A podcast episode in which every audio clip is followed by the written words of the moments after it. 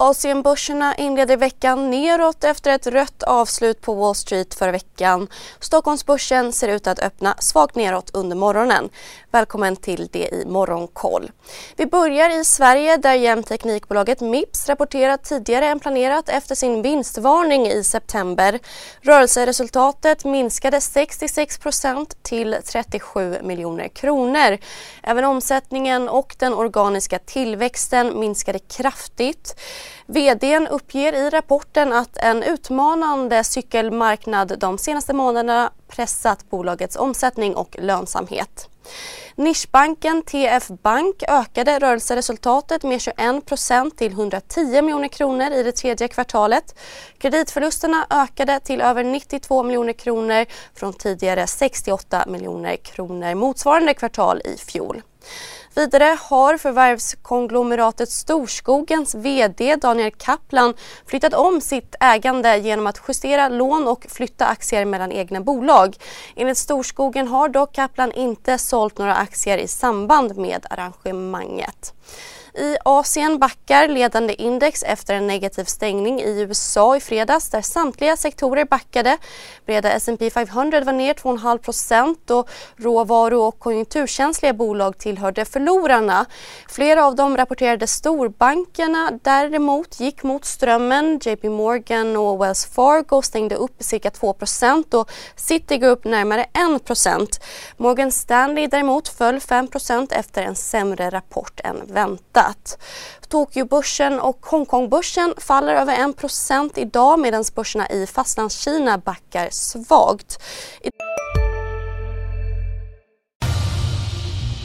Expressen gör varje vecka podden Politikrummet där vi djupdyker i det senaste och viktigaste inom svensk politik. Med mig, Filippa Rogvall, som programledare tillsammans med mina vassa kollegor. Och det är ju ni som heter Thomas Nordenskjöld, Anette Holmqvist och Viktor Bartkron. Politikrummet kommer med ett nytt avsnitt varje tisdag. Vi hörs.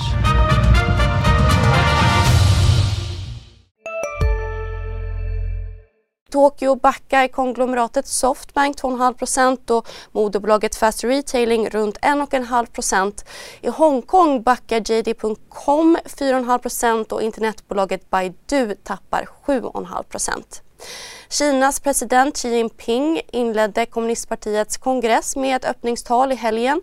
Presidenten sa bland annat att han vill accelerera bygget av en militär i världsklass och stod fast vid landets noll-covid-policy.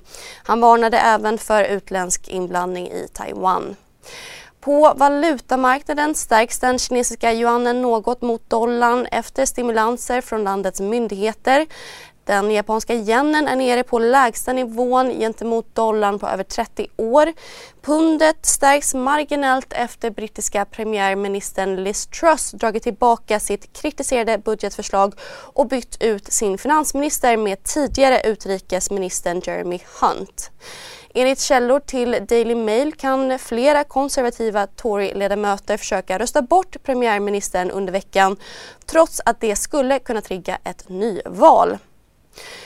På agendan idag håller vi koll på rapport från verkstadsjätten Sandvik klockan halv tolv. Analytiker räknar med att omsättningen ökat med 24% i kvartalet och att rörelseresultatet ökat 17% till cirka 5,5 miljarder kronor.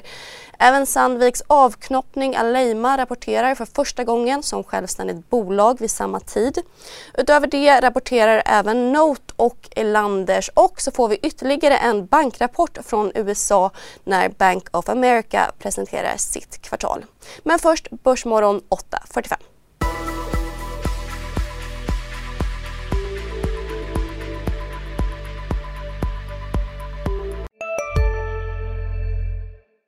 Vi är specialister på det vi gör, precis som du. Därför försäkrar vi på Swedea bara småföretag, som ditt. För oss är små företag alltid större än stora och vår företagsförsäkring anpassar sig helt efter firmans förutsättningar. Gå in på swedea.se företag och jämför själv. Hej, Synoptik här. Hos oss får du hjälp med att ta hand om din ögonhälsa. Med vår synundersökning kan vi upptäcka både synförändringar och tecken på vanliga ögonsjukdomar. Boka tid på synoptik.se.